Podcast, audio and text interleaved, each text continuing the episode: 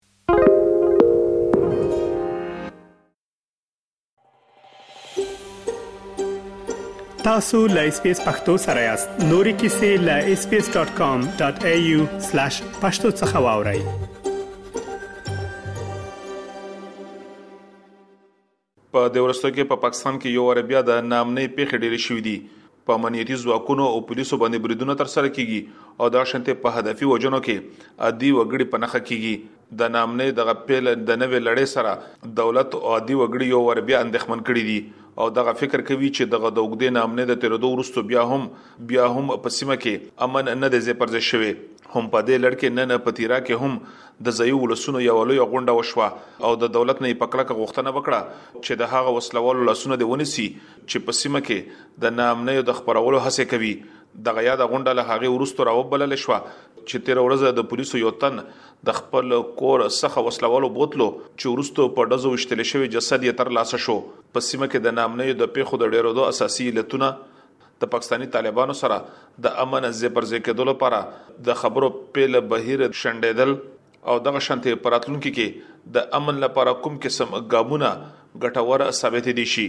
دا او دغه شانتي نور ډېرې پښتنې مو د پاکستان او د افغانستان په چارو نظر ساتونکي مشر خبريال او لیکوال د فخر کاکاخیل مخه ته کې خوده او د دوی نه مو د مرکه په پیل کې وپختل چې دوی د ترهګرۍ د دغې نوې لړۍ د پیل په اړه باندې څه نظر لري او د دې اساسي علتونه څه کیدی شي؟ په پاکستان کې چې دا اوس کوم د بدامنۍ چپه ده تاریخ کې هم مونږ دا ګورو چې هر کله په افغانستان کې اړې غړې راځي د افغانستان د صورتحال لیک پنې غاصر دلته کې په خصوصي توګه باندې په پښتنه سیمه او په بلوچ سیمه باندې د دې اثر ډیر وي ځکه چې دا دوه زره شپږ سوه چې کوم کیلومتره بارډر دی د افغانستان سره په دې باندې دا دوه غټ قومونه میشته دي په نږدې تیرو وختونو کې هر کله چې د افغانستان کې ناتو امریکا او مغربي ځواکونه رالل دا غینه پس په دې سیمه کې مونږ کتل چې څنګه ترخګره سروچت کو د نړیوالو قوتونو دا تورو چې په دې کې د پاکستان خصوصي توګه باندې چې کوم قبایلی سیمه ده د دغه زینا په افغانستان باندې بریدونه کیږي او دغه وسلوال ډلې چې کومې دي دا دغه تکي میشتري په پاکستان کې ځکه مونږ قتل چې دلته به ډرون هم کېدل دلته به اپریشن هم کېدی خو د هغې نه پس بیا چې هر کله پاکستان کې خصوصا که تاسو ګورئ د ای پی ایس واقعیا او شو نور غټه داسې واقعیات شو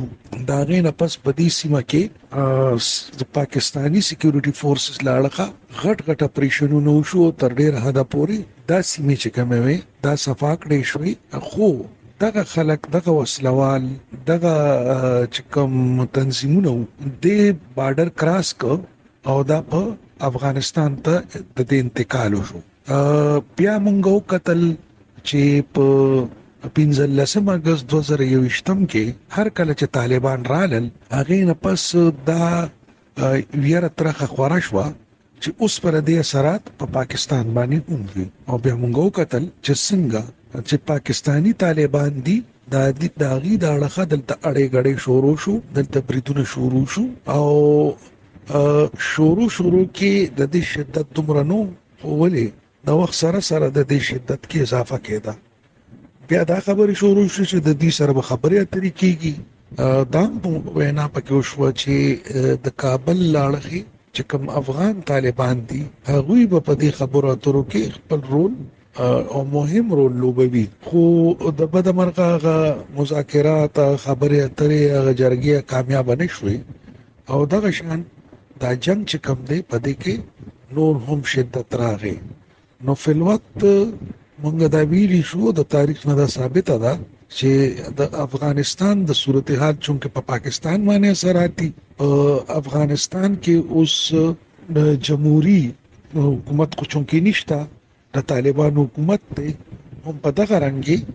چې کوم پاکستانی طالبانو کوم چې دراصل په وجود کې راغلیو د افغان طالبانو د کومک لپاره د هغوی موجودګی ده او د هغه د وجه هغوی اوس دلته کې د پاکستانی ریاست او فورسز په ضد باندې خپل عملیات کوي نو موږ ګورو چې عوامي چې کوم مخکې به بریدونه کېدل هغه شان هونه کیږي خو ولې په سکیورټي فورسز باندې او په پولیس باندې پای باندې خپډاګه باندې هغه حملیم کوي او دا غي پړم قبلې نو دغه زما خیال لې چې بنیادی وجه ده فخر کاکاخیل سب په 15 اگست 2023 کال کې چې طالبانو واکه په افغانستان کې سمبال کړو نو له هغه ورستو پاکستان دولت د افغان طالبانو پر منځګړیتوب باندې د پاکستانی طالبانو سره د امن لپاره خبرې پیل کړې خو دغه خبره د ناکامۍ سره مخ شوې، ایا ستاسو په نظر باندې دغه خبره سمه ده چې دغه خبرې د ناکامه کېدو له امله اوس یو وار بیا د ناامنۍ دغه لړۍ په توندې سره پیل شوې ده؟ بلکل همداسې ده، ځکه چې لومړی دا خیال کېده چې د افغانستان نه د امریکې او د مغربي ځواکونو د انخلا نه پس چونکې اوس د جهاد هغه ضرورت پاتې نه شو لهذا د افغان طالبانو هم دا کوشش و د پاکستان هم دا کوشش وو چې اوس د پاکستان وسلوال تنظیمونو سره کم چې د جهاد په نیت او په اراده باندې را پاسې دي وي سره خبرې اترې وشي او هغه په دې باندې قائل کړي چې یو سټوپک کې دي او د امن لار اختیار کړي خو چون کې هغه مذاکرات کامیاب نشو دا غي چې هر څه وجوهات دي دا غي نه کوم هم نه خبره دي او تر ډیر حد پورې مونږ هم نه خبره یو چې د دې بنیادی وجه سوا نو دا یو ډیر مهم وجه دا چې د مذاکراتو ناکامۍ نه پس په دې نوې چې کوم د بدمنې کوم چاپه راغلی دا د کې د دغه ناکام مذاکراتو هم ډیر غټ لاس دی فخر کاکا خیل صاحب ادي وګړي دغه نظر لري چې په سیمه کې وګړه فوزي عملیات تر سر شول ډېری خلک به کور شول خو بیا هم په بشپړ توګه ترهګری لمنځه یو نوړل شو نو آیا هم دغه شنت ده که نه د تېر وخت په پرتله باندې د امنیت په برخه کې توفیر راغلی دی؟ نه زه داسې نه ګڼم تاسو ته د یاد وي چې څنګه دلته کې با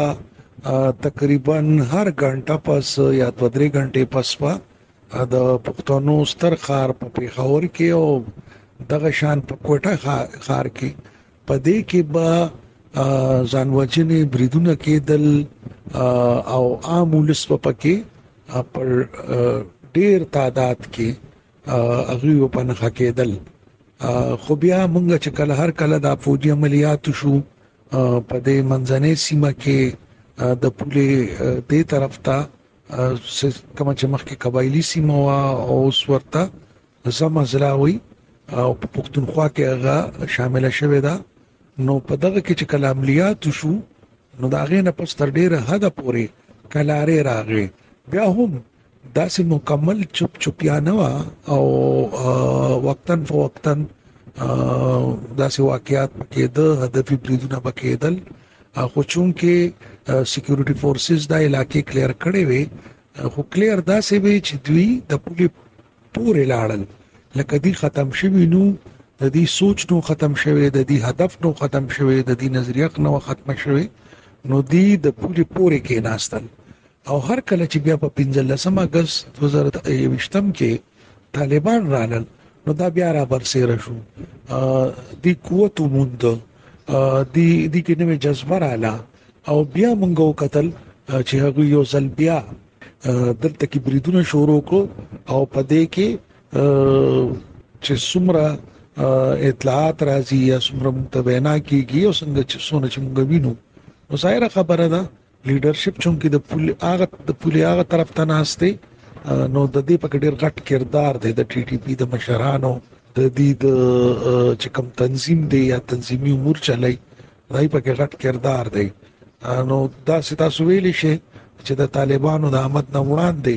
چې کوم الته کې جمهوریت حکومت چغي ستوي هغه ناستونو هغوی هغه کردار اون لبو کم چې هغوی ته پکارو لکه د دې غاړې د پاکستان د سیمې اپریشن وشو دغه تنظیمونه دغه وسلوال تر ډیره حده پوري هغه دا میدان خالی کو خو چونکه هغه طرف ته لاړل او هغه طرف ته دای تابعو نشو نو ځکه دا نن دا نوې چپه چې کومه ده نو دا په مونږ باندې رااله فخر کاغه خل سب زما به اخرنی پښتنه ستاسو نه داوي چې د افغان طالبانو پر منځګړی تو باندې د پاکستاني طالبانو سره چې د دولت کوم خبره پیلوي هغه د زند اخکار دي ستاسو په نظر پاکستان دولت او پاکستاني طالبانو ته په دې اړه باندې څه نظر یا فکر پکار دی چې دغه خبره تر کامیابی پای ته ورسی. مونږ دا نشو ویلی حتما چې یو عمل دی هغه کم چې مخکې نه شوی دی هغه به بیا نه کیږي یا به د هغه ساسر نه روزي ځکه چې مخکې اثر نه راوتی نو اوس هم ساسر نه روزي خو فل وخت موږ دا ګورو چې څومره تعداد کې بریدونه روان دي یا د پولې د پورې غاړې چې کم خبرونه راځي مونږ ته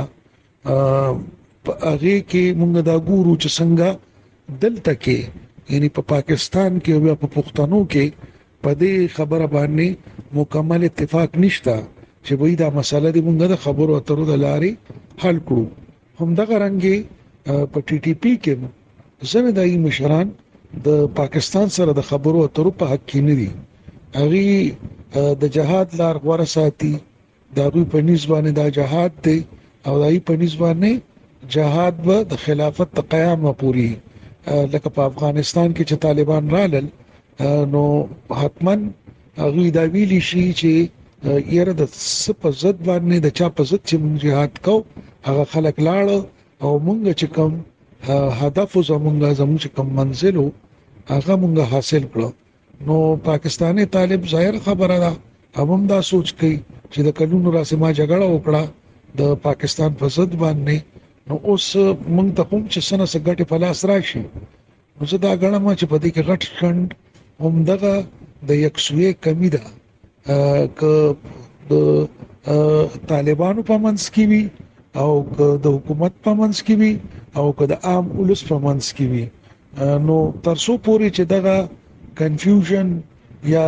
ختم شوی نه او یکسوی راغلی نه په مختلفو فریقینو کې نو ماته دا ډیره ګران ښکاری او چونکه خبرې اترې ولاړې دي یا د خبرو اترو هغه شدت نشته نو ځکه په جنگ کې شدت دی او